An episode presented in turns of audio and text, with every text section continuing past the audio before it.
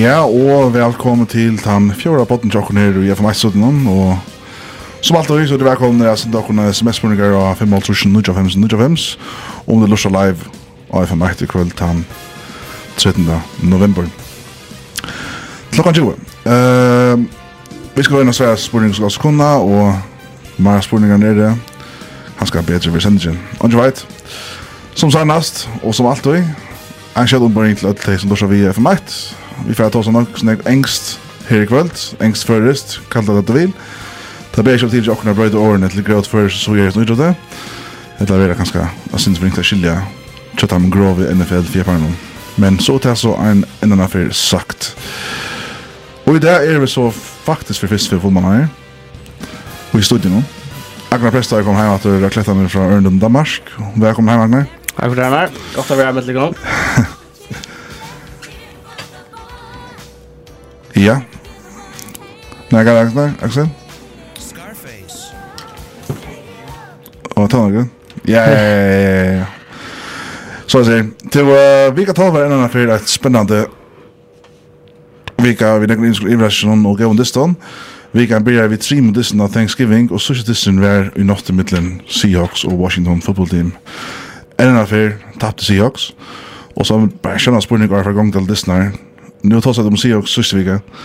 Är det Seahawks nu ute av playoff contention? Det hade jag väl kunnat säga, men spurningen är mer om Russell Wilson är vi ute i Seattle eller inte. Men det har inte stått något om i det, men... Nej, vi tar sig inte Pete Carroll och, Russell Wilson sista vecka. så... Seahawks är bara en gång ganska bo i allt nästa vecka, ganska här. Ett av de också, också, nu kommer ur Seattle.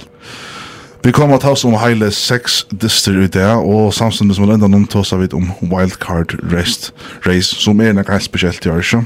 Det er pura uh, at det er, altså man faktisk ikke ordentlig vet hvor kommer vi i røvera, mm. så her er det eh som jeg sier, det er ganske en family eh, som ikke kunne komme playoffs eller så er det realistisk så som nu er, det så det er, det er vi oppe. Ja, vi får bænt i gang vi uh, fyrsta distin som var i middelen Raiders og Cowboys. Det var et kjeiligt Det var sånn kjeiligt at hans distin var avvarskare rævligare og sinter og leipan dømelt vil jeg sagt. Så hette var en overtime spennings dramadistor vi flere big plays fra Bavon Pørston.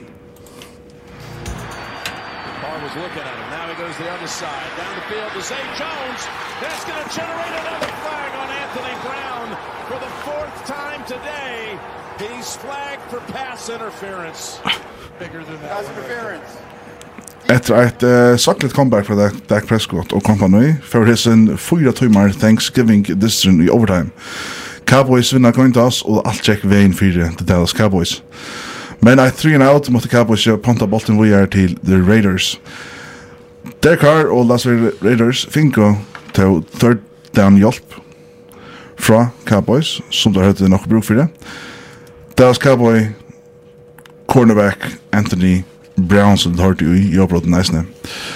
Derek Carson sparska et 22 yard field goal i eventyne, og jeg synes at han er, Jeg synes at han er passen fyrir Anthony Brown, og sjaka med. Hedda Vesha Raiders enda så ut tre lose game streak, og han melder seg alvorlig inn i playoffs wild card kampingina, og møver jeg litt kanskje trusht av Kansas City som ligger av fyrsta plåsen i Tyra Division, vi ein win meira. Cowboys 3-2, Raiders 6-3, Alltså det är alltid danska boys. Kan jag göra skraft i hessen dessne? Ja, alltså...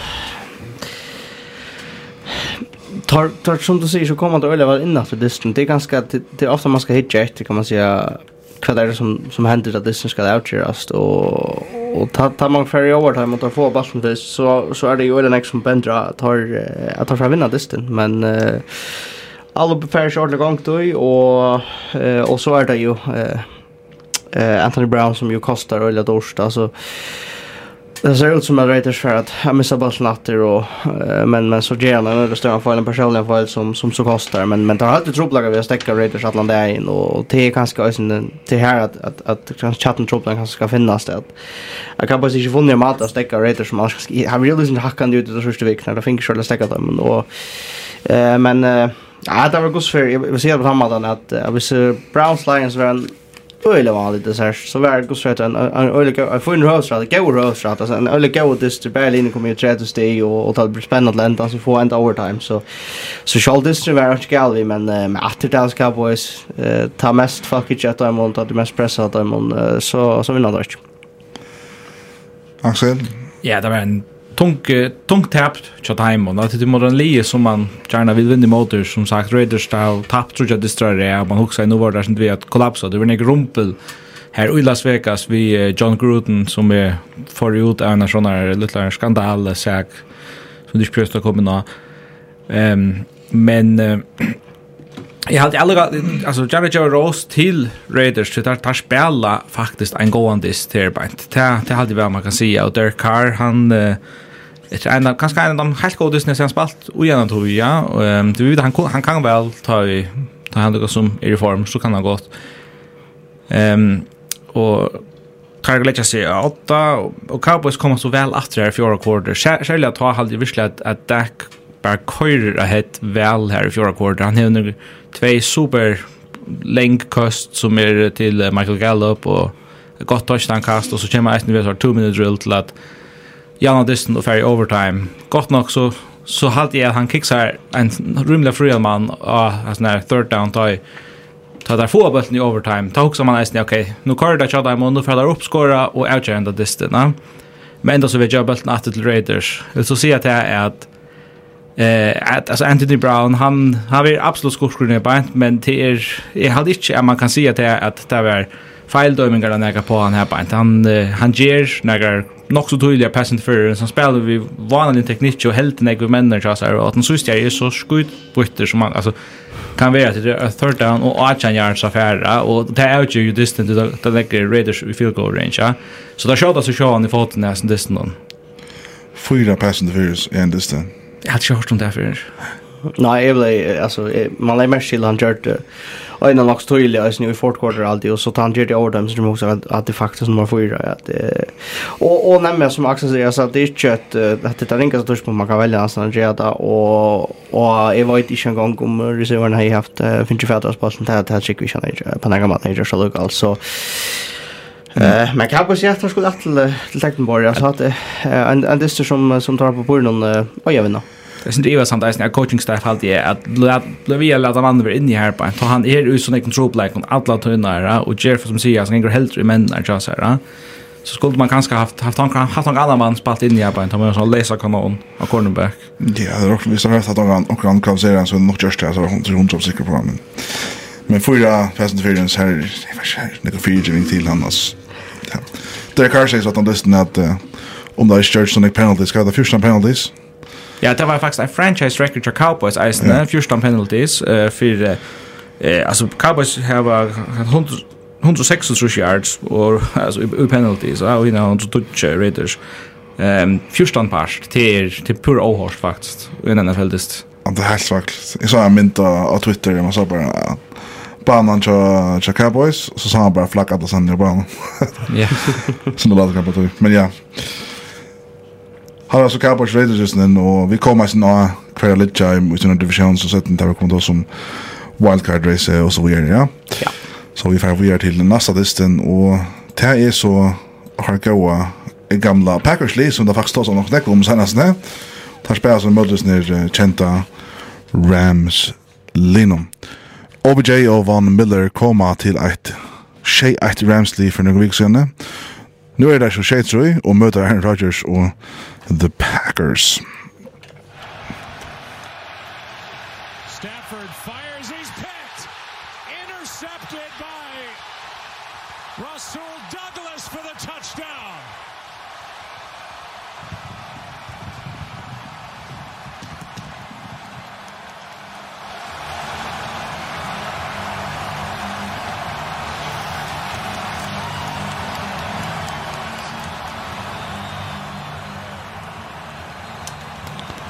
Hetta var ein dyster her quarterbackan på anlinon var Ivasammer Vikna Artisten.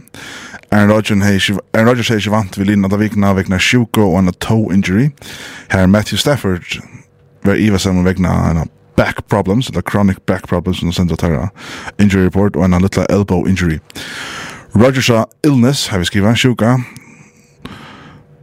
så utla vera non-factor i hesson dystenon. Eh, Sier at han er for Rann Jensson, og fikk et touchdown. Stafford har vært møte, så ut til at han ikke kunne lida seg. Han spalte i seks gavendist, kjølt om tølene som tjokk ut. Han verilig er struttest, og han vet noen de møter Packers veierne. Ørste det var kjempe Packers lead, 6-13-16, etter Russell Douglas, som tar til jobbet noen lofta en interception fra Stafford, og fikk et flott pick 6. Rams skorer en mål i garbage time, som det er for kattla, og i fourth quarter ta i disse nekken jeg gjør, så skår det bare noen mål. Rams 28, Packers 6 og 30. Rams er nå uh, 3-0 etter OBG og Van Miller kommer etter, og vi har tåst nok snakk om Rams selja i første parste. Men at en viser Packers bare at tar er bedre enn Rams. Ja, så dette skulle jeg på purno være en distimit til tveilig som uh, er, altså, vi til kappast om at det er Super Bowl-plass i NFC. Og jeg vil si at, at Packers viser virkelig klasser i sin distro, så det er helt stort, to som tar seg bare fyrst. Altså, så, så hadde virkelig at Aaron Rodgers mer og mer rønn er i gang til at, at kasta seg inn i Eller spes inn i MVP-samtalene, altså mot topp noen her, på en tog at høtta, to som Tom Brady i Søstervik, ja, hette var en god diskusjon, og mer har ikke vant i en, en måned faktisk, mer eller mindre, ja, vekna, det var omkring skier, og så har han korona, og och att nu han hena brottna ta eller så där. Så det är verkligen imponerande att hon det verkar bara som ett liv som är i balans ja.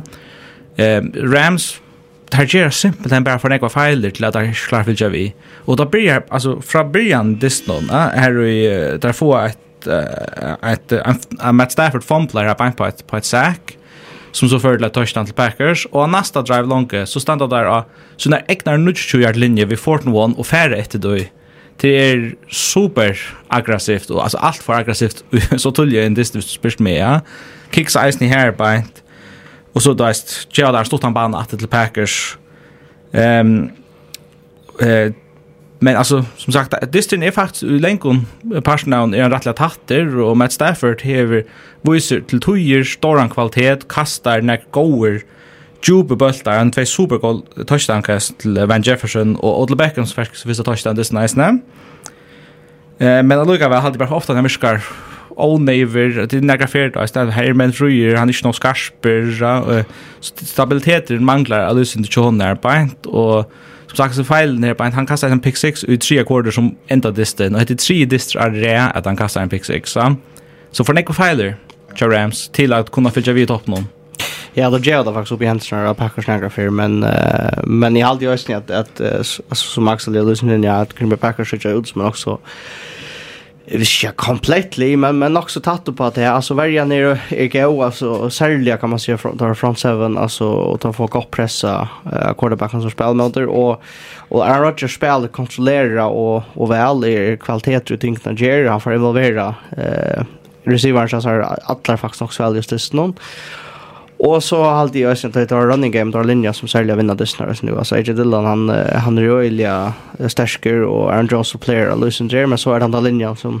som bara blir bättre nu eller back där back där kommer att korsen ja och jag är alltid absolut att det liksom som Cyrus Morris så på och och heter alltså 60 månader var det var mer av större månader just det än alltså 60 och Sindu bekymrad for det, han skjalt mig alltid kanska nekka vi på Brosur at nu hadde finnes tørs på skjøtten og det ganger verre men jeg skjalt han skulle integrere seg li og tar haft trutjar og det trupla oppgaver men men han skulle lukka hans etter at han ikke kom i en sånn til at en sånn slampa så til at her er nekka distretter som er trupler og og hva skal man si hvis man hvis man finnes bryr at her på seg listner så ja men så så hur man truplagar ta man ska ta ta det allt ska göras då Vi tar sig som schedule och kör det hem 16 Det är inte det bästa som är inför efter det Nej, alltså det är nu som sagt Här tappar ju distrar det Men alltså tar mangla ända spela en dist mot Cardinals, tar spela mot Vikings och 49ers som ligger på inte att han för tar i wildcard race och en dist mot Ravens.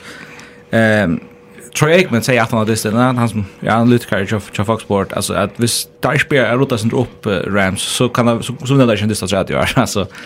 Det kan gott missa playoffs. Det är ju hövrish tror för någon vecka så igen. Ja, alltså visst här får vänta så gångna och där här var inte just söndagen mot Jacksonville Jaguars.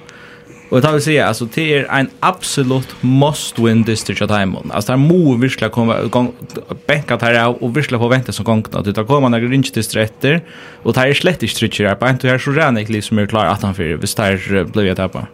Det kommer ja. Tar sakta Robert Woods, en alltså tant receivern som som ganska eh han fann eller nek vi det med roten och så för det hade ösna till Josh till att ta han var veck att uh, Cooper Cooper minne effektiv eh och då han kom där sjön Rickard så ja. Ja, han fick ju double coverage nu och så. Så han roll mot sig för nu då. Så jag skulle vilja säga nu det är just Stafford till honom. Men vad andra får den en en vänt och igång när spännande li här nek jag lägger alin och i elscheisen här måten å spille på, og jeg synes det du sier det, til færre forrest han flyer for henne, ja.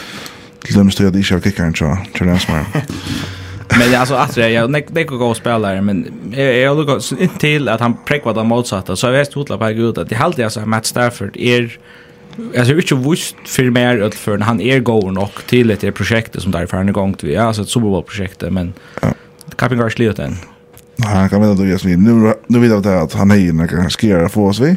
Han står bara en vanlig skillning men we will never know. Han ska vända då mot Jacksonville Jaguars. Jag borde just Bastis joke om det så Buccaneers i motor uh, Colts. Colts som har sjönte Jonathan Taylor som är fancy superstjärna nu och dävan. Eh, efter var smush Josh Allen och the Bills av 41-15 i förra veckan. Villa Carson Wentz och Colts fan halvdags i hot streak det här var nu. Ta med oss Super Bowl-vinneren fra februarmåneden, Tom Brady og Buccaneers. Buccaneers fører 38-31 i fourth quarter, vi 20 sekunder etter av klokken. Times.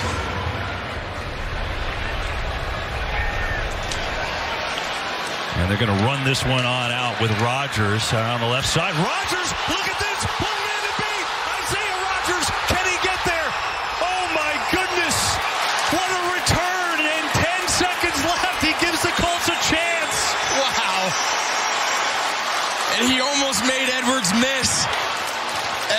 Got his left hand on him.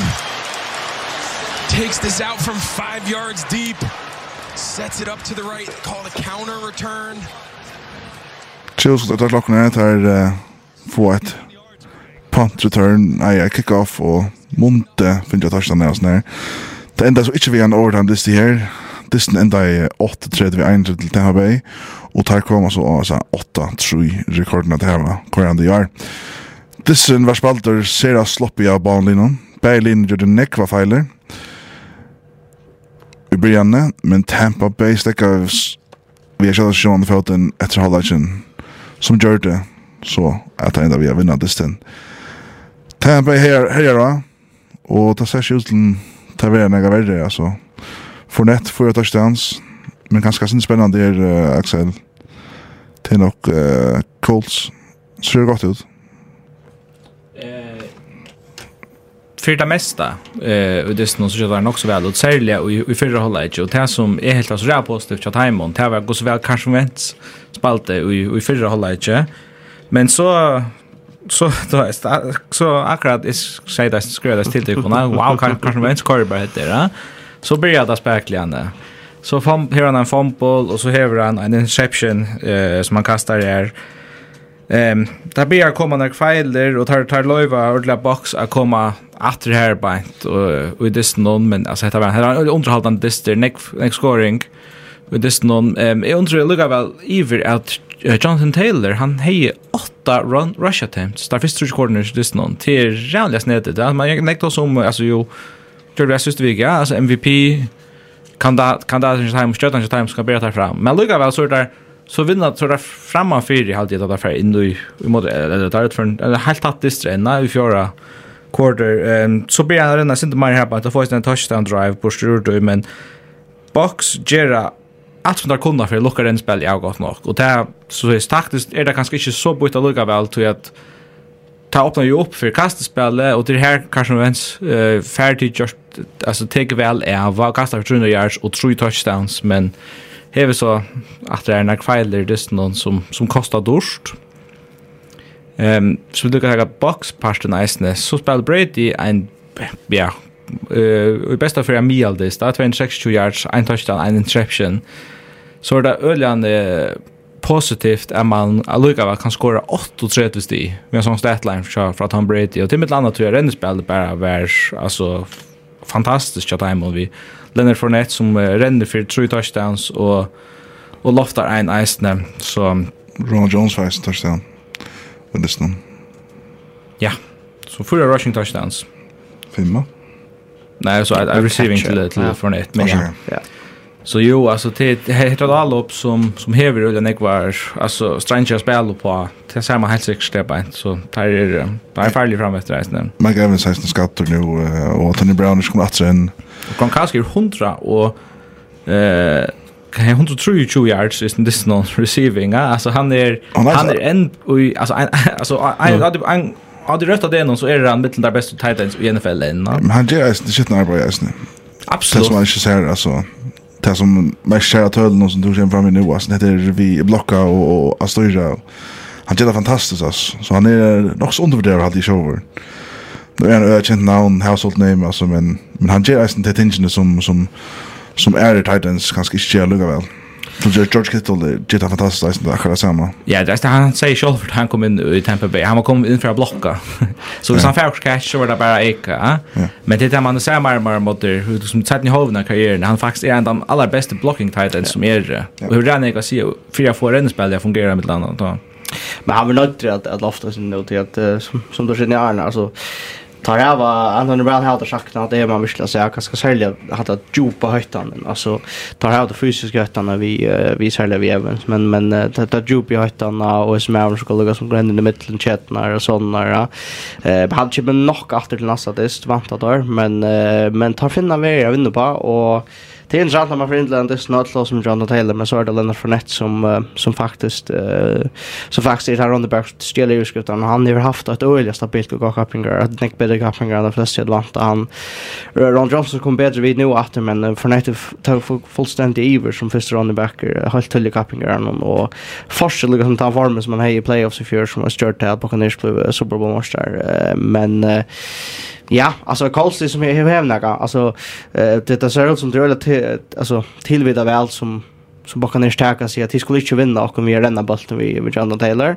Men så visar Carson Wentz faktiskt okej okay, ja men han kan faktiskt skapa en en en go on this ta han fair kan man se Lucian to you more like a secondary och kassa till så det var faktiskt en av halka och dusna så så vikna och och Bailey ni har mål att komma längre playoff men det sälja bara kan inte då Ja, så Luka Lennon Fornetta är snär. Alltså han han var ett topp 5 draft pick och i Chicago I'm the Garage and i Jaguars. Eh och här han öliga går början på karriären att chassa men så gång till Orland där backa här på då är typ Jacks kommer early bli bli ganska tanka att inte.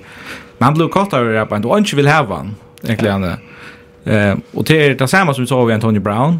Eh og Gronkowski eisen, altså det her bare finnes jeg spilleren inn, tog at han kjenner tror jeg sats på der, tar av Gjørsta, til hun rikka vel, altså det er til hun virkelig løst sin ut av timene, og det tror vi sier, det tror jeg det her så, så god våpen enn av vergen i eisen, så det lukka poengtera til at, at, at, Antoine Winfield hever, at det er interception på hva som helst, det er ganske en av beste interceptions ui år i røver, altså han han spelar öliga väl och Shaq Barrett fortsätter bara sin stima för han är en av de bästa edge rushern i uh, i NFL och han har Schaefer när press och kanske vänster det nu två sacks.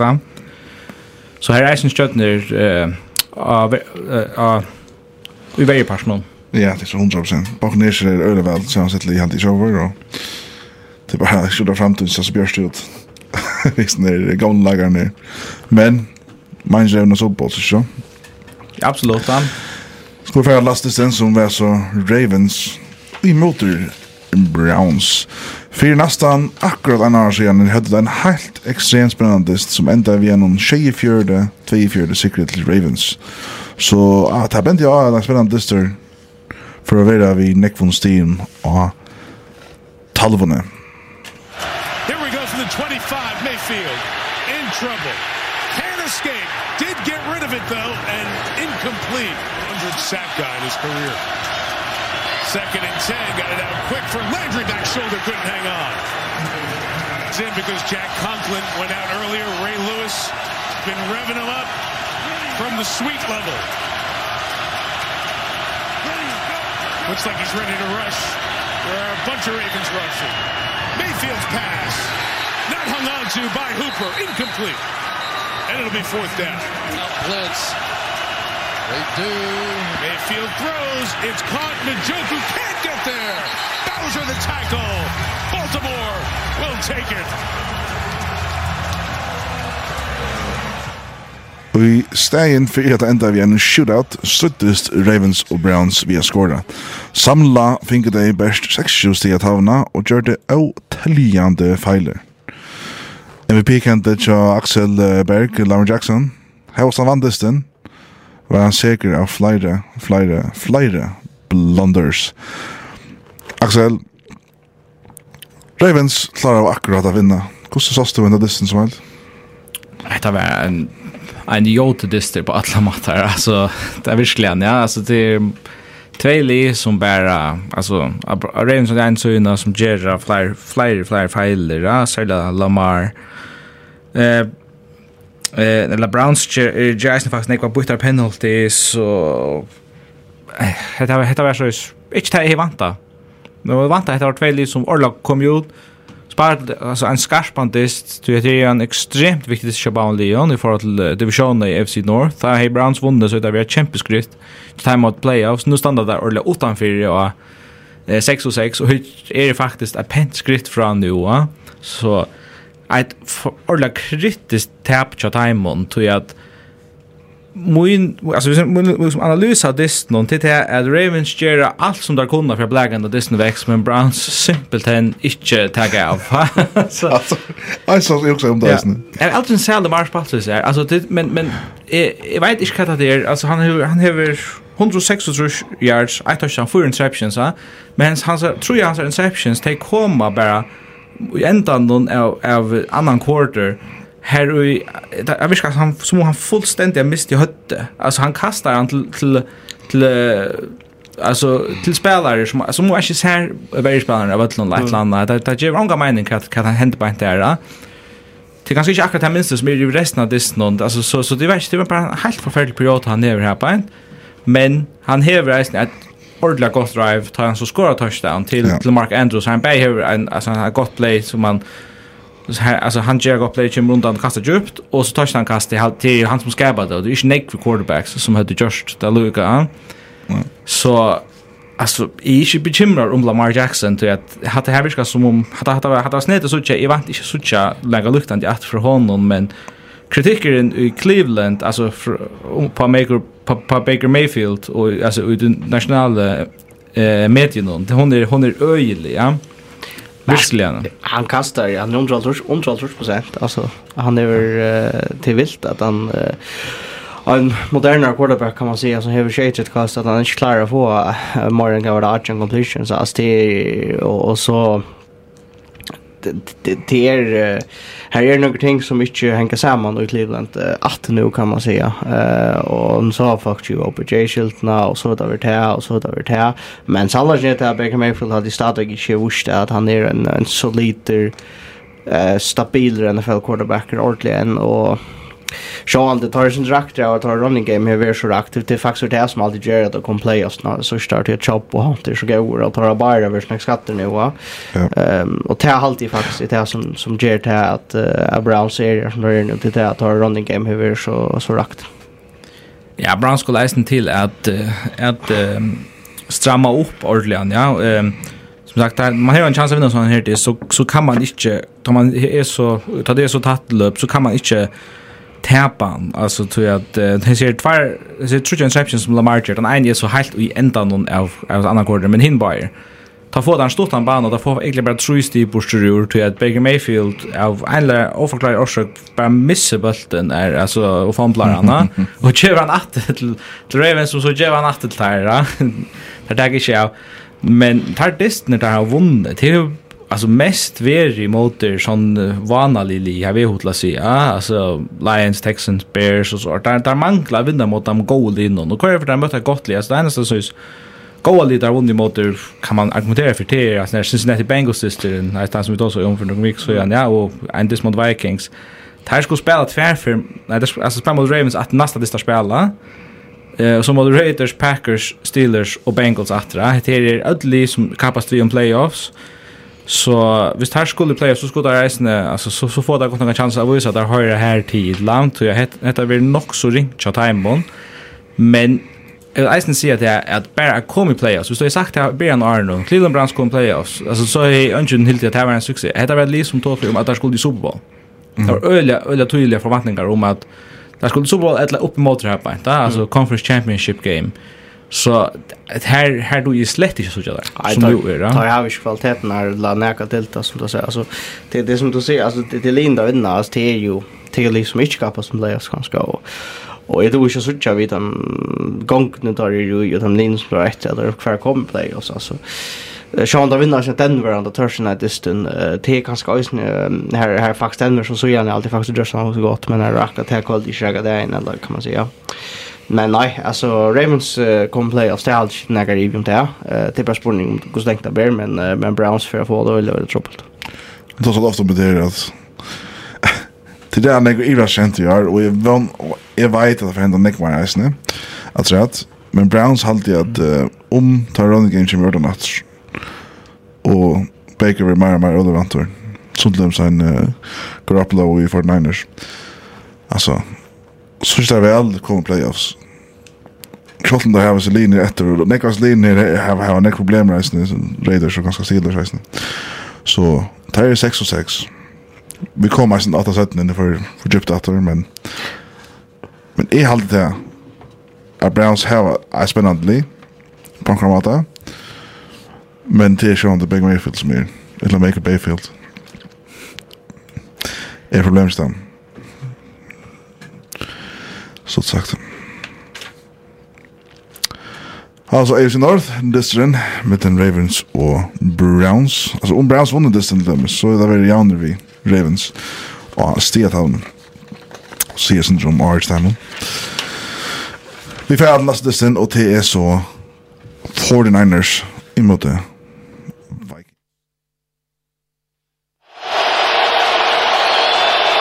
Cousins on fourth down and eight. Fires incomplete. Kyle Shanahan. All smiles. Distin byrja i ikke selja vel til Fort Niners. Garoppolo kastar et interception på veien. Vikings skorer så beint etter et touchdown til en 6-0-føring. Men så slakna jeg motoren til Kirk Cousins, og Fort Niners kom fram om 4-3-12. Kirk Cousins og Vikings hadde chansen for å komme i overtime til stedet å være 4-6-20, men fourth and out gjør det Fort Niners kunne tega knæje og vinna distin. For Niners seier blir så spekla av vise seg Hever Kyle Shanahan, head coach for Niners, finnes jo fjært som kan gå ned? Å, ja, ja. Altså, tar...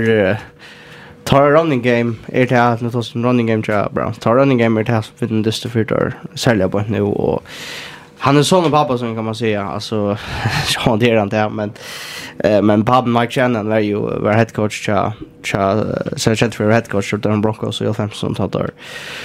Tar då vunnit Super Bowl eh tvärfair och han dotte öjla väl att designa run game alltså run game så att man och, och alltså mata att skulle renna bollen på att skulle blocka och så där och Tär gånger om bara i arv, alltså jag har alltid att kanske han har viskat la funne uppskriften på hur uh, hur som man kan vinna dyster och vi vi tar som tar här att det tar här efter den ganska skier landar under back på sjön men uh, Ledger Mitchell spelar öliga väl. Alltid på Samuel är en av största playbearingarna i NFL och kan kan allt. Han kan kasta han kan kasta i snett och eh och ta färre som Jimmy Garoppolo att kunna vara som de har och göra det simpelt och ta ordan och väl.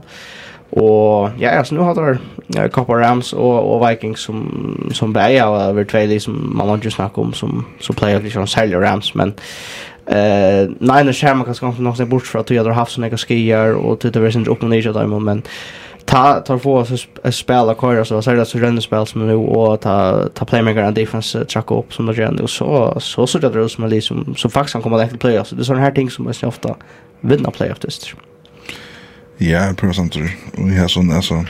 Tipo Samuel Eisen, han er ferdig fra en wide receiver til en running back roll. Nok så avverst. Halt i shower. Um, Berline, uh, du kommer sett det. Axel? Ja, yeah, Fort Niners? I Raskandli?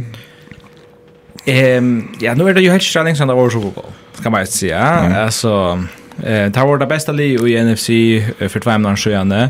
Og Ari i fjør er det jo totalt plavar jeg skal inn alle døgner. Um, og det er nok en av bästa forklaringen til at, at det ikke er et næst så redder at jeg tar i fjøra. Så at sucha tire så läs av vi uppe efter nu till kanske skräll i raskande. Det kan vi vi kanske börja sko hitcha lyssna efter efter är det här pastvist tälje som vi tar hukt på för två månader sedan, ja. Eh men det är som Kyle Shanahan här. Det var ölig kritik i rand. Sällan här att han har haft en en vanlig period där han tappat fyra distrikt och i år och så stod han och tappade mot Cardinals och spelade utan Kyle Murray. Han distan. Ehm um, men nu blir det så gott ut till hemon och vi ska kunna fortsätta vis ner så så kunna ta er att det är faktiskt något farligt på den måten att hvis du kan renna fyra alltså 200 yards och i en playoff diste så är du ringar vinner mot och tar heva eisne eh några gode spelare av vergene som kunna gjøre plays og sånt och eh men men hinvein alltså där skulle jag lucka seg til till være vara så så stabilt nok när man vill skal trycka på det. Jeg er helt nog arbetar det si till at for Niners är alltså en playoff league och han kan där komma Super Bowl. Alltså jag ska söka mer från eh, Jimmy G ganska först och främst. Ehm han vill han han ger till just det som har blivit om att och han ger det väl att han har blivit om men han har bara 26 kast det nåna till Roland Johnson är ganska lite men ehm och man kan vinna playoff det vi en sån quarterback. Tar just av fyr men uh, jag vet inte om man kan vara så säker på att att det är en för rika för Jag hade pratat i första podcasten när jag pratade om Jim G var god nog att, att driva 49ers. Det hade varit Niners shit det. Där har just nog snack för att uh, trade till en uh, rookie quarterback, ja. Trey Lance som så inte spel på du han han chim att spela nästa år. Han så det så det ju så står det till Jimmy G i San Francisco. Kastas som driver han till en playoff spot i år han var ganska ganska han var ju ganska en soppar men jag soppar nästa det kan vara men eh, nej alltså jag hade Lee hon väl samma alltså det vi såg så sist veckan men så var ingen som vinner Green Bay Packers och det är alltså nästan som gör det eh tack Green Bay Packers för full månader så det är inte det att det var han liksom Jim Richard och Vikings spelar som funt alltså att de pilen spelar som bäst som kan som bästa det är och men det har på skatter i third quarter och det har alltid är och den tänkte någon som i vitla formades sen tog att Thomas och Charlton Matheson är en fin backup så missar Vikings en center till som som Niners när man kom till det vi att flytta bollen via arena och bruka tog och så och, och så uh, kom han inte hänga Kirk Cousins och ta ofta klarar han nog inte ordentligt att här presset tyvärr. Ja, alltså Schalt om heter er den nok vanligst diskusjon i år, så er det lukka helt hamplendes han spiller. Han för 238 järskastar, 2 touchdown og en interception. Um, Han säger interception är så vi ägnar i halve och ger ett hem helt stort han banda som tar utnytt och skorar touchdown på. Och så bänt att han då så så fumblar Davin Cook och blå skatter att vi plända att få bollen åter, va? Så där lärde liksom touches i färra till för när han var missar sin sin bästa spelare och grävs i ett hål här på men men komma ehm um, alla vi natter och här var en mövläka mot ändan disnon. Bäge här ehm um, Ta nu måste rätter tar det åtta steg måne. Och tar häva bulten och fort and goal alltså när alla for for yard linjen där för niners hade fair efter hon här. Det hade helt av synder en skype out där kicksar är sen Jordan Mon. Sean kan alltid vara backlogger till det till kicksar men tar snägg efter distan det är helt tidigt field goal här på och så röntar ganska fint ett touchdown eh till att lägga sig fram om i det någon ehm det säkrast inte tar vi så field goal tar så går ni nästa för försök field goal som att att sen. Ja, men där kommer ju nästan field goal range men är faktiskt det helt det att där bränna det här på inte som ger det har en chans efter det Men jag syns att kritik är till Kirk Cousins tror jag att Arsenal är helt viktig play någon. Till och med ta sista play i det någon ta till den fortan här i halt att han en en top level quarterback har rakt Justin Jefferson eh, som jag tror det här var rinkast. Mm så så kastar han pura skrift till han. Han hever eisne en two point conversion som faktiskt nog så agentist någon här eh som som han här faktiskt pura free här han kastar försönar va. Men det är nämligen just det att man säger att mot Packers så har vinna gott nog dyster men han faktiskt kastar en interception och är bara rävlig helt i att ha blir rattkatla. Alltså, ja. uh, Hvis det är så för Packers så, så vinner Packers dyster. Alltså, så han, han manglar något som jag nämner att det Och, men även när man ser vad ska också. I helt nämligen att för får sparska så är det löst till att Max kan är ganska nog mer konservativ när grejer vänjer. Och det är sånt tog jag efter dyster men det som då ganska nog är bench för det är att Niners färre att, att få, uh, få klockan att gänga försökt och att de skårar så att, att det blir för trångt. Men uh, Men jag hade ett hardcore det blev öliga action det det det gjort av via såna interceptions och fumbles och och ska ska igen. Ja. Men det var faktiskt det var det var en god distri annars hit efter. Alltså det heter Bailey ni hava ehm vi man har så haft tendens till att avskriva det för i år. Men har ordla vänt gång till nå. Alltså Vikings kom in vi en super super skick från mot Rams och Packers. Ehm och Bailey i lower på det tidspunktet är nummer 6 och nummer 6, ja. Så det var så en sån wildcard distrikt, men så det heter en sån distrikt som kan ha något att säga mot ändan någon. Jag var någon, till en tiebreaker är ju att ta direkt i Disney spela, så det kan virkelig vara en sån distrikt som Vikings kommer att Iras sig om sätten att det har tappt. Ja, absolut. Ja, 4-2 49ers og 6-20 til Minnesota Vikings. Vi tar sånn sjön där snäga flippar ute. Vikings flippar i förra. Um, vi får så til uh, Sadisen i kvöld. Om kjøtt fyrs i kvöld. Det er det neste vik Det var så Patriots heima i motor Titans. Stage of this no pass hauled in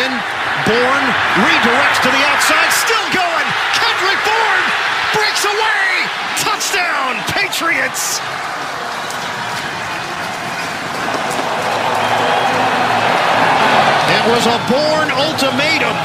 Does he go down or does he stay up for the score? New England Patriots er etter og tar glow heighter og tar møten en Tidesley som ikke ordentlig føler seg etter nega skier og linon. Enda Stefan viser at Patriots vunn distan vi heile tru just i men det var en nek, nek tattar distan til som Ørslutte viser. Line hadde omsamma yardage i dysnån, men Tennessee alaba fullstendig har falt saman i New England øsnån. Tidal Drive som enda av og 26 yardlinne, 90 yardlinne, 2 yardlinne og eisne ein og 1 yard line. Öll hesi her utan etta einasta sti. Vi der sjón der nekver New Englands fans er her i ferjan, vi har lusat vi. Etter lusat 17 podcasten jokon. Han sier at her er nok alle farne i Tampa Bay nå. Tror han ikke vil ta seg vi om det her i studion. Men i England vil jeg være uppmödra en nummer 1 sida i AFC här. Det kappas vi Ravens och Grundly. Alltså, är det en fullständig kurvändning till Belichick och kompani? Det heitaste li i NFL som man kan se på tamma. Sex distrar är där vunnen. Ehm så det kunde alla det kunde alltså att att EU-skriftnar och och samtalen i USA att här visla börjar gänga på om Patriots är jag vet till alltså bäge då är det vet Super Bowl jag är ett nytt dynasty som är igång då då är det ordentligt man tecknar upp nu va. Alla blir så tas som Tom Brady mot Patriots. Og der skulle ordentlig hava Rose fyrir snir, og Mac Jones skal eisen hava Rose fyrir samkomne inn, men jeg har hod til at trakka lusen av bremsene.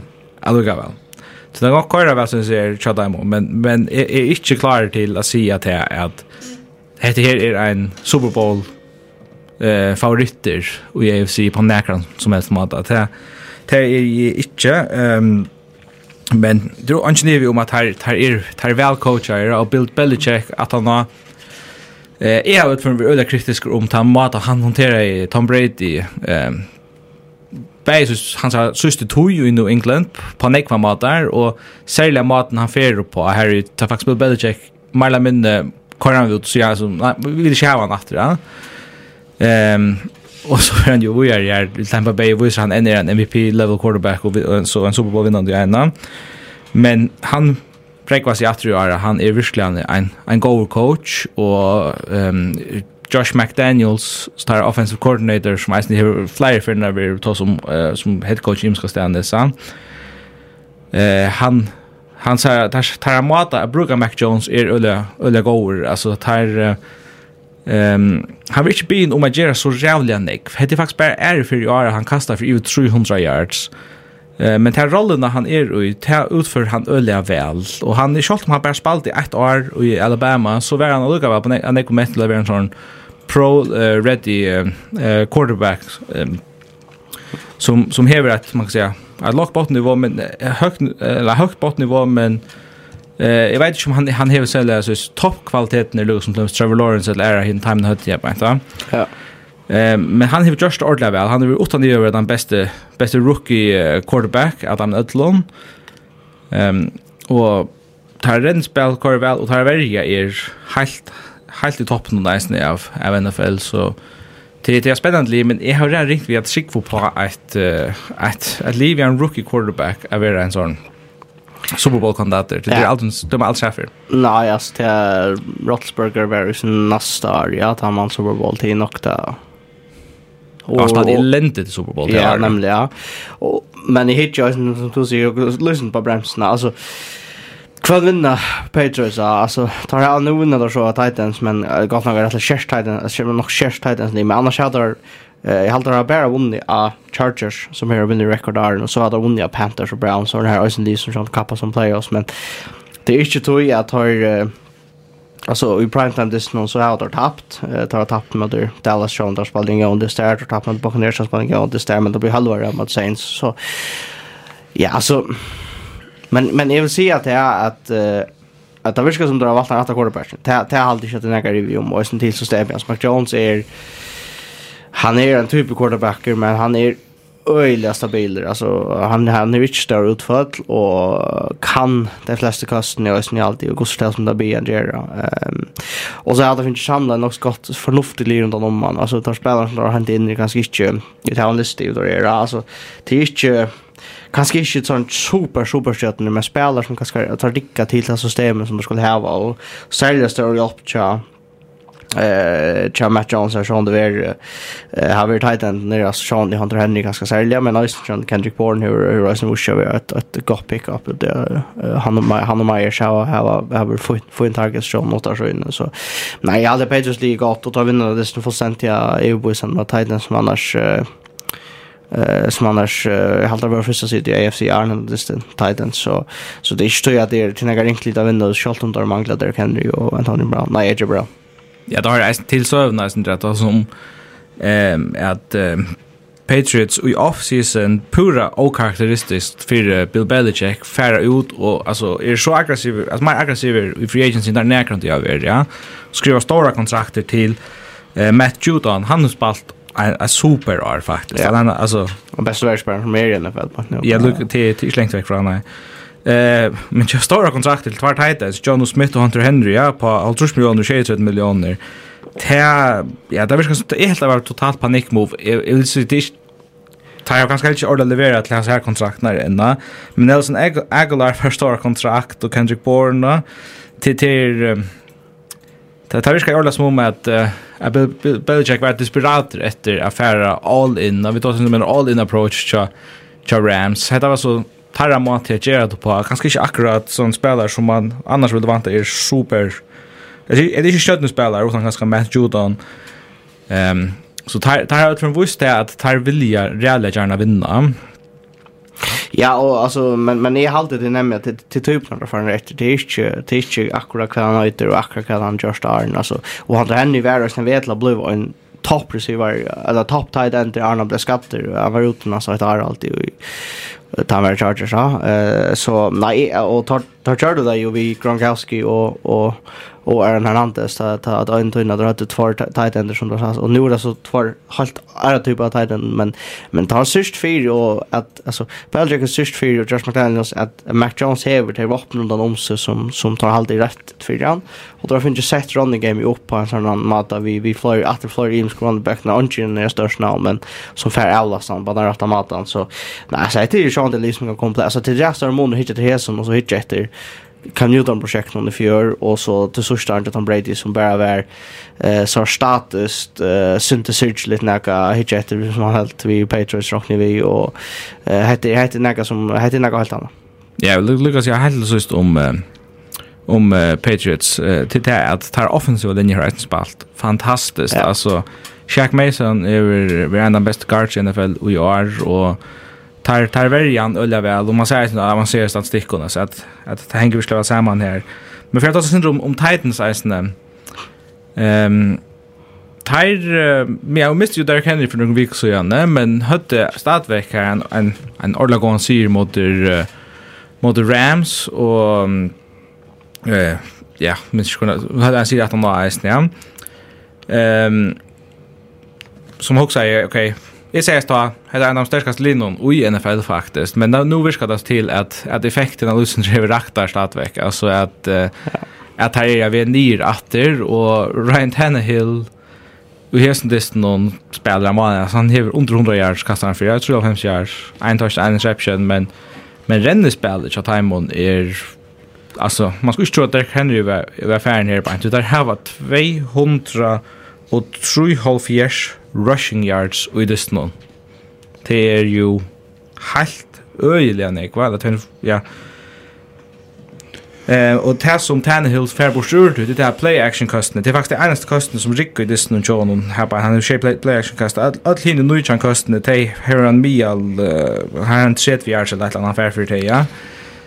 Ehm så då han ska liksom göra det själv så så rycker det inte men han han får liksom liksom bruka det renna spel i här på men bekymrande gongt halde er at, at han ikkje fær en bedre dist på styrus styrelsen her, tar rennespillet kvar så old utrolig av alle. Minnast det at 100 yards, altså rennespillet her, Axel, fører til spitlist til at Hillard og Formen fompla og tjej i hjørtlinne og tveitet der linne. Ja, nemlig, at han også tatt på akkurat anna, at hei playen er øyligane avgjørende for distinaisen i halvtida. Ja. Men tar det av at han som unga spelare alltså onkan receiver som är mer 25 yards listen. Det ser nog snäck. Alltså det är nog så vilt stå sticka. Alltså ta mankla top target är alltså AJ Brown som tyvärr Ja, tyvärr för det han är väldigt forskare player. Alltså han är så gener i fjärran men och blev till en av de bästa receivern så så att ni för men han är så forskare forskare player och tar finna där matan och eh till det att och och ta ta touch för steep och så att yards så så så ända där vi men tapper vi vi vi ju just det. Ja, og Julio Jones manglar der eisen igjen. Ja, han han har unga til å komme i gang. så Nei, Men han var helt vi på hästen det någon där. Han skulle få se. Men Titans tar altså, då kan man ta så ringt om tar tar för att divisjonen divisionen där vant det där tvärd det framme Colts men det är lägger det tror jag där har bare Bayern det er tiebreakern her isen ja.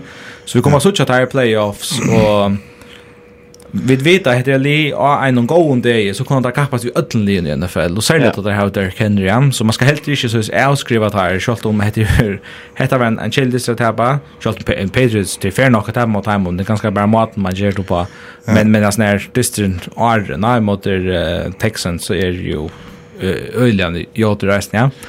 Jag vill gärna avskriva Titans visst det kan inte vara att playoffs.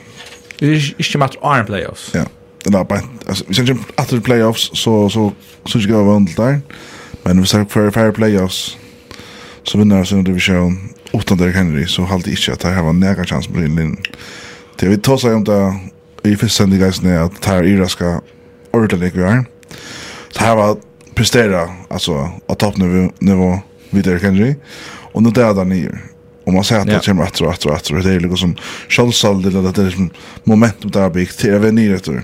Så er det nok ikke vi at her for at klare seg her sørste filmlistene. Bare min mening. Nei, det det är helt uh, fair nok. At man ser nemlig nu alltså att at, han man klarer, man klarer helt att momentum formen shot att Derrick Henry det ut da, Men altså må være til, til helt fair av nu shot hemon. Pura sant då. Nej, jag vill säga att det är spännande det är spännande. Shot Nej, alltså nej, alltså vi kommer för över till till playoffs in Jamal att eller hoppa ganska elegant i där till. Ja, Arne för det. Ja. Så här då intro till det. Men Arne jag där så här det tror att det är ner och Theo som spelar om största skuffelse i hela säsongen här till. Och det Seahawks. är också ganska att. Hade jag gott i det En god idé til å tagge opp om en av tre viker. Her ja. vi kan ta som største skuffelse i år, og største rasjelse i år. Så takk for det her, og Isak, så har vi kanskje et segment til om en av tre viker. Ja, men det er, det er ja, og, og det er, vi kunne kanskje lukke helt stå nevne det, altså det er sånn som jeg også, det, det er veldig som alle, alle noen vant å se playoffs, og ett ett att offensiv som ganska skulle skulle falla sig ut där men men det här det är ett det blev och det det tror jag nog slatt att säga ganska tar det ganska det största skottet som här är det duscha pojka eller ju sånt alla linjer som som många pojka är startar i play of contentions det kommer starta här och att alla går kappingar det sånt som liksom har spalt några runt nivå men nej alltså vi där men hade vi där inne att där för att här är strukturella brötingar som nok mot till i Seattle. Ja. Men det ser så spyr han är han är för den shepherd så det ser en stort en dålig spårning att släppa spyr. Ja. Vi får så några nästa segment och ta Ja, vi skriver ner här uh, playoff och, och contender schedule. Jag har faktiskt uh, brötta segmentet till att either make it or break it.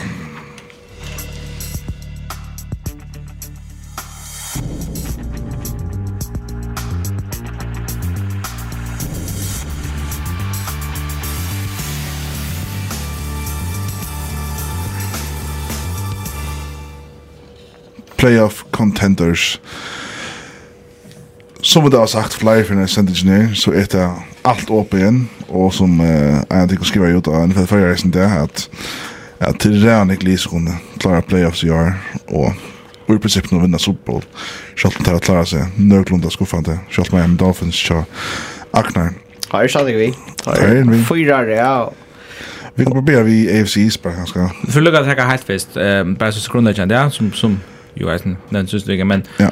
Fyra, det er fyra divisjoner i hver konferanse, vinnaren kommer i playoffs, oansett hva for det rekord er, han den beste hver divisjonen som vi er, men så er det tre liv som får wildcard plossa, og det her vi får ta oss om nu, og det her er øyla tatt, men så sannsynligvis var det enda samma record här på men det här tiebreakern kom in så det är ju lika helt så det kan ta Den första tiebreakern till att att Tally som högst i sin division för allt du vi är så då som man tror eller för sin division så ska man outjar här innan huset så men tiebreakern det så som först främst ett spalt mot Lindon det till hacks där hade vunnit mot eh nu nämnde vi att för Niners run mot Vikings så därför har tiebreakern här att han har så är det eh record i distan som du spalt ut en konferens.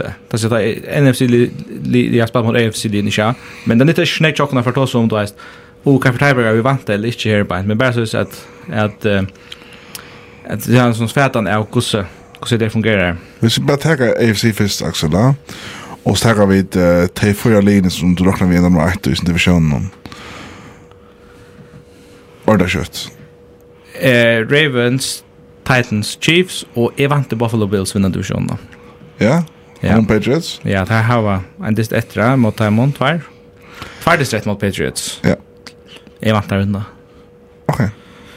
Ok.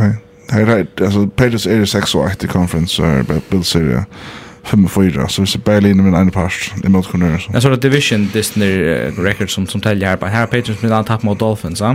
Ja, første omfør, ja. Ja. Men Bills Syria tror jeg Så to råkker vi er Bill den her, Ravens, Titans og Chiefs. Ja. Så er det altså det her stryplotten jeg tror som er etter. Hvor er Lee Heldes spela gör som det. Eh, så bant nu så er eh, Bills og Bengals har tjej sikrar i parsta. Så det nummer 5 nummer 6. Og så er det Chargers, Broncos, Raiders, Colts og Browns som alle har 6 pasta. Så er det nekkelig å ta så om. Ja, altså vest, ja. Oha, ja. Det er helt galt faktisk. Ehm, um, jeg halte til att alltså AFC East får tvei i i i playoffs och ta en av er inte Dolphins. Gott se. Nej, där det alltså som inte vinner divisionen. Ja. Han han kommer i wildcard. Alltså jag sagt att det är också säker på. Ehm Jeg har galt som hodla sier, altså Cincinnati Bengals, der blir atra at Luchas omkring av timen, altså der virker som at Lee i balanse, der hava, at øyla går running back, der hava Joe Burrow som spiller vel, Jamar Chase, og nekker, Det er veldig, altså, her skil og eisen, jeg har godt coaching staff, att jag, jag kan väl vel sutja här teka att det er ena playoff uh, uh, plass i här. men ett liv som är vant är meira av, så är det fra byrjan her, til Chargers. Jeg att här är er ja. størstjer, jag har nog så nekva våner till, till, uh, till Herbert som, som quarterback, um, han lyckas tidsi, han får en lysen i tempo i forhold til hva så i början, ja. Men jag har faktiskt lyst til att hodla si her, her tror jeg liende, kjolt om... Uh, eh at at at uh, Raiders og og Browns við så kom i gang så trygg eisen vel at hevin kom her på heter hetta fyrst nýtt nikkur syndrom kvar blur heitir nu på det hatta punkt ja? Akkurat det eg vil seia bæði men eg trygg ikki på Steelers. Det ger ikki. Big Ben så ut han simpelt hen i ferden Jeg tror vi heller ikke på Denver Broncos, tror jeg at det er Teddy Bridgewater som quarterback. det er søtt. Og jeg vil ikke avskriva Colts, men jeg tykker ikke at her har nok til å renne vi, vi hesner, og hesner tatta løpene mot endan. Så du vil sagt uh, wildcard var Bengals? Bills og Char nei, uh, Patriots ja, og, og Chargers. Nei, okay. Raiders ikke, ikke i bandar eller du? Det kunne hatt det vel være. Ja. Um, Absolutt. det er du nu nu det så tapt tror jeg, så og det er Arne där vunnen vinner her mot Cowboys. Ja. Um, så Trioli som Arne heta var kom öle väl från början i år. Och här var kvaliteter allinon och Derkar kan spela öle väl. Det som är helt spännande är det att Nekos ni Leeds tos nu Bengals Chargers Browns Raiders och Colts Ice Det möter kornören. Öle ofta nu sen som lyssnar. Ja. Vi tar väl något som Chargers som möter møta kan sitte i Vegas sted, og mellan bank og sæsne. Ja, men næste veke det vi en super distribution. Altså, er, altså alle disse i AFC er ræra spennende. Så Bengals Chargers på næste veke. Nu det sier en tiebreaker. ja. hvis Bengals vinner mot Chargers, ja. så er det jo, altså så er det som godt som sitter her, og gata framme for timen, tog jeg at Så jeg tar for eisen har tiebreaker nå, der tar det framme for, ja? Ja. Til Bengals som er hjemme og la oss se. Jeg vet ikke. Ja, og så har Eisen Browns Ravens som matur. Så här är tvärdes, här, här linjen är också jävn. Och, ja, det är det. Alltså, det är, det är fantastiskt att jag visar vilken är över oss. Ja, alltså det är... Ja, alltså det det kan, alltså, det kan också bli fyra månader för... Alltså det är linjen som inte är i AFC West. Tog att de har... Alltså det är hos nekva innan det som på styrsmakornören. Det kan, det kan bara bli tropelt. Och det kan han lägga det för det kan han lägga det för en annan va. Så det kan han som då film under Freedoms Calls och Bengals en linje och sen innan stöss som man kan Eh ja, alltså men uh, Bengals och Ravens hade spelat man kvar någon men det. Ja, Bengals vann han det. Det är det som vi huxar alltså. Och smäller så efter i Alltså, ta bert hit till Bengals. Alltså, det man ska inte avskriva att visst Lamar Jackson, det ser inte för att spela, så vi säger kvarja för, men visst Ravens, alltså, visst Ravens tar hem en nog så tropelt, uh, tropelt schema efter, ja. Det kan hända att Bengals vinner divisionen. Ja, så hvis de vinner Sundister, så kommer der, altså vi er, ja. Så det er bare en til starten for å hava tiebreaker hvis de vinner neste for mot Raven, så? Ja, ta kunne, ta kunne jeg gjøre det, altså det er sjolver faktisk, ja, men, men, men tar jeg også kanskje ut og svinkende, altså det, det, det, det er forlengt, altså det er 38 tjej og ena vik, og så er det tjej 38 en ena vik, det er veldig langt, ja, men, men Joe Mixon er helt fantastisk, altså han, han, han är ju en av de allra bästa running nu i NFL. Han är faktiskt en topp 5 running nu i NFL. Jag är alltid nästan innanför de flesta judge Så det är så. Till eh här är några som mest kommer nästan ändla sier från mest som tycker lige vi här och jag har spurningar til, vi får bara med til NFC-eisene. Men ja, så sagt, AFC, Jävla spännande, spännande styr. Ja, alltså det är blandings, uh, blandings, alltså allt för att blanda samman ändan. Jag gläder mig till den här sändningen här vi kunde ordna sig och analysera stinchen där vi kanske kunde, kunde kanske skumpa det lite mer in till att det är så bra, men jag får röra sig som Axel, att Steelers och Browns, det är alltid kör lite, det tycker vi bara kör på if if I reach at älskar det when för ni kan älskar det då have alltid tar tar under för det så ja men Men vi skulle ha predictions för det. Ja. Nej men Luca alltså if jag tar så se att Bengals vinner du sjönna bara för kvitt alltså eh och att Patriots vinner så att du.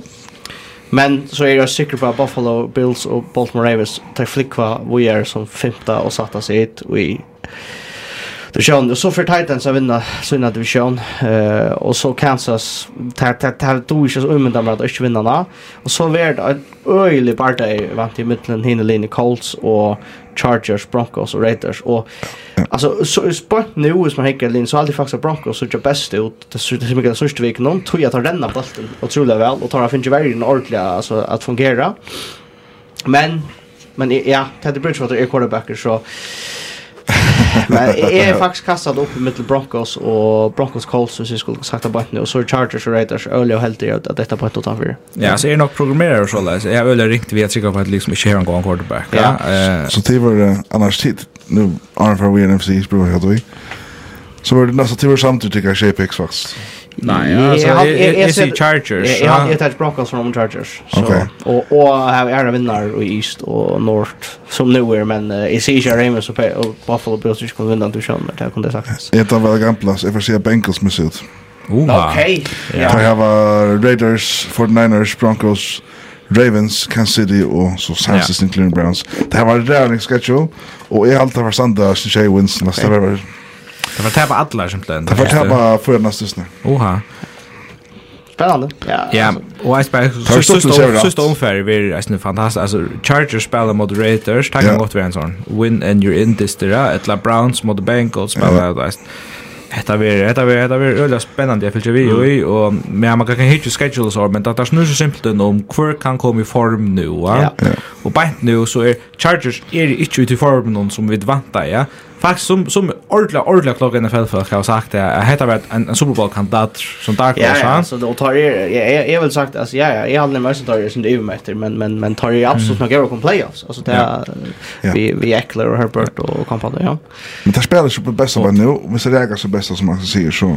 Men, men Bills-eisene, alltså vanliga form egentligen. Ja. Ska inte vara 100% säker på att det kommer läsa. Jag sitter även där sjön det sätter sig vi. Där gör men det är gängasen galjer på så kunde det gått det ut. Jag husar det med han tanken.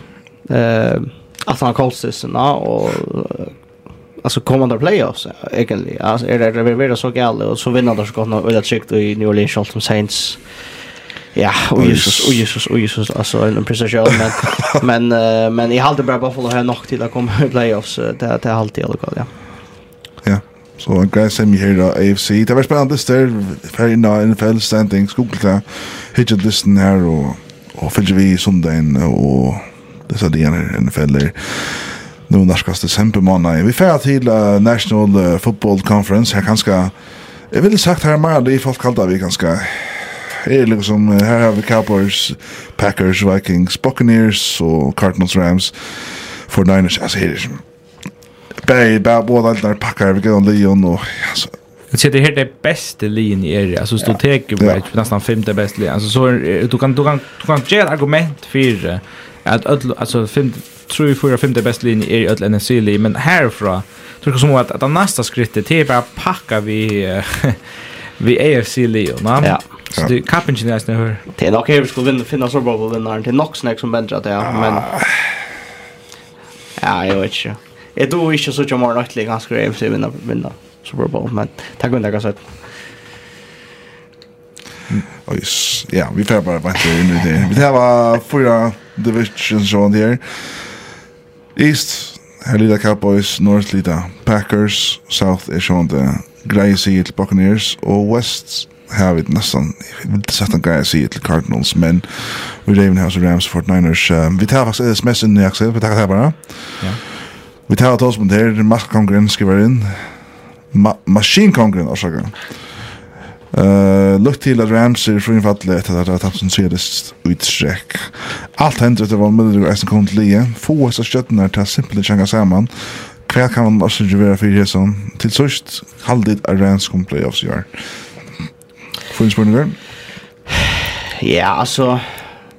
Alltså jag vill att tullja och tog in just ner och ta teker tog att har funnit att jag för games som skulle in och det här som Ösen ganska avskar särliga allspel till det att Otto Beckham skulle komma in som en supplement till till särliga Kopp och Woods men så ändå skulle nästan bli en en allsare tja Robert Woods så det här alltså i short kommer makten så som han spelar när jag går det nu ehm Uh, nej, han spiller en det nu. Ehm uh, motor för få fixa uh, och det är kanske det allra viktigaste. Det är om Sean McVay för fixa ett rollspel så det det det är liksom till Rams. Men om de kan playoffs det är ju eller säkert bara det att det spalt i AFC så är det en en öle här kamper men jag är alltså säker på att de kan playoffs Vi vet ju att det NFC, kan kanske förklarar klart att det här hur det ser ut. Ja, alltså ehm säger du divisionsvinnare nere alltså land förra ner am till så Cardinals, Packers och Bucks. det är ju nog så tryckt och Cowboys sen sitter nog så tryckt av division där. Så har Rams vunnit Shadister, eh för Niners har vunnit Sextister och så Licha Washington football team, Minnesota Vikings, Falcons, Saints, Eagles og Panthers har öll fem sikrar i pars. Og det tjokka at det jøvnast nær søsta og kjenta plåsen og allura at han fyrir litja Giants klarar att tracka in. Vi snackar oss när Jaren Fila. Come on ass. Vi ser så sent det oss. Alltså, hvis det är li i NFL som älskar Giants i det, så er det Dallas Cowboys. Ja. Att han är det.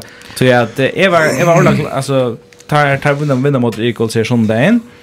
Eh Eagles har annars en schedule som är akkurat akkurat till högra bein. Alltså där spelar mot Jets, näst, nu halter han bye week också där, men så har Jets så varit var tvärtist rätt mot Washington football team, spelar mot Giants och ända mot Dallas. Det är på ongal mode och huxande att tar vinna divisionen faktiskt. Ja. Ehm um, där nu är det så tvärtist att han för Cowboys.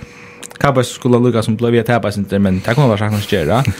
men men det här var så schedule mässigt har tagit den bästa vägen upp och nära men men jeg vet ikke om jeg så stålig på at her nok til til uh, jeg halte i ødelføren at min prediction er Rams. Der, der kommer ventøy der tega der femta side trygg vi er men jeg tar kapping vi for Niners og jeg sier det eisne eisne for noen vik så gjerne Minnesota Vikings. Jeg halte der kom i playoffs. Det er du tidkast her tru lin fra jeg halte bare at Rams, for Niners og Vikings er så monande bedre en, en Washington football team, Falcons, og Saints, og Eagles, og Panthers, og Giants, og Bears og Seahawks er det. Altså, jeg halte det er, det er ordentlig moner og herbein. Men man skal eisen blå via vinna sin distra, og vi söker med landa til at Rams spela bæg mot 49ers och mot Vikings, så, så, så det här kommer vi öl som er om vi ser seating i tar i mitten. Eh, anchen att de garanterar att komma i playoffs, tror jag att är det ett eller två li som börjar komma igång så kan det så godt ut. Jeg vil ta, hvis jeg skal si, avskrive omkran, så vil det Panthers, her kommer ikke playoffs. Alltså så dit kan Newton. Ja. Som där en av en av ringaste sen jag ser. Jag såg det raskt att jag inte kort det det snå här. Han har Tim Boyle aktivt aktigt där där. Alltså är ja, är helt annars att träd rätt som sånt att jag det av så här var klassam om och Cam Newton han fick ju bara inte göra. Jo, första drive, första drive. Ta ta. Alltså han ända vi rennan den shoulder. Men eh det var det var det. Alltså här var Leslie och alltså tar blev så jucknen halvar med mig alltså här var klassa månader innan då och det gick så enkelt Lena Saints på halvar med med the Bills och här var också andra isen som ett en NFC som blev halvar med AFC League halvtid men alltså jag stod det var ju så stort alltså Ja, alltså Brighton i AFC neck bättre men uh, toppkvaliteten är bättre så är är alltid sent divisionsundan Jeff Shaw nästan alltså. Ja, vi ser väl bara J.B. og Medic Fist aren't ikke tikkerne, så ser jag att det kjennes en Cowboys, Packers, Buccaneers og Cardinals. Så vil jeg sagt Rams och 49ers kan vi göra i playoffs, Till 49ers schedule är så redan klockan på klokkerbeinet. Och så är det kappingen om kända platser som är färdiga att geva till uh, en spännande Vikings-liv. Så är vi nog samt där på inte. Ja. Ja, alltså jag jag hade det samma. Jag hade kört alltså det är ena alltså det som jag tycker kan hända till er att att antingen Washington eller Philadelphia för en gång ända sport och teker att det kända sig från från Vikings. Eh jag var så hooked har hukt 100% efter schedule så ja, alltså Och Falcons spelar så mot and this mot for Niners som är som Kyle Shanahan storyline efter det här på. Ehm jag kan gott säga att att att tar nog en att liksom kan utfordra Lucien Drepa att till där här var Nick för goer offensiva spelare men Matt Ryan är inte spalt så rävliga väl och gör som vi det vänliga så kan göra Ehm Saints have ikke en chance. Tar fresh skiftet quarterback, så vi kan tage som Mill. Han är till Kamara Nej, rakett, ikke at jeg må. Kamara som 18, ja. Ehm så Eagles och Falcons är där seriösa utfordrande här på. Eh, ja, Washington football team mamma nog är starka seriöst, men jag har ringt för att ta till Heineke seriöst. Är det? Ja. Ja. Det är väl alltså men han han har nog ting. Alltså han han dor också alltså och han har nog gå alltså det är han uh, vitterligt och Alex Gibson är ju running back men det är bara inte nog till att komma så nu har det Chase Young ute ja och allt det. Men jag har alltid alltså hvis jag hittar det ner alltså jag då alltså jag då finna fler argument för Vikings eh komma i playoffs än så eller det var för en flyg argument för hur Niners inte ska komma playoffs mot Vikings särskilt mot deras schedule ganska och det är att tata gånger lite så Niners så gång då snö lite men Vikings är ganska synte stabilare ja. Men är rätt säker på Rams tag att 15 sitter så syns det som som då inte ger alltså Cardinals är för en ålder sjön och en nej alltså ta värr ta taverer Rams som 15 sitt och så vart en part där en liten bar a little bar där och här kan alltså ego så han med så lätt schedule och vissa Jalen Hurts för Ricka och tar inte jet här som där eller ger allt allt arvus i montar som som med the Giants offense som var inte nästan alltså då fick inte jag höra och men så har jag en chans att bli av med det ganska särliga Vikings så om jag hade Vikings nej Niners ska själv nej, jag Niners alltid nu har Wush några för att ta er så mycket stress att dra över playoffs. Ja men jag Ja, nu kommer Ryan Fitzpatrick til matten nu, va? Helt han tänker plåster plass att det är inte. Nu ska se det som Dolphins gjør. I think som du kan se Fitzpatrick, det är att han ska spela en playoff this, så her han feil karriär för. Ja, Goda karriär har han haft, men men det her han han har alltid spelat en playoff this, och han har feil karriär för han har haft chansen.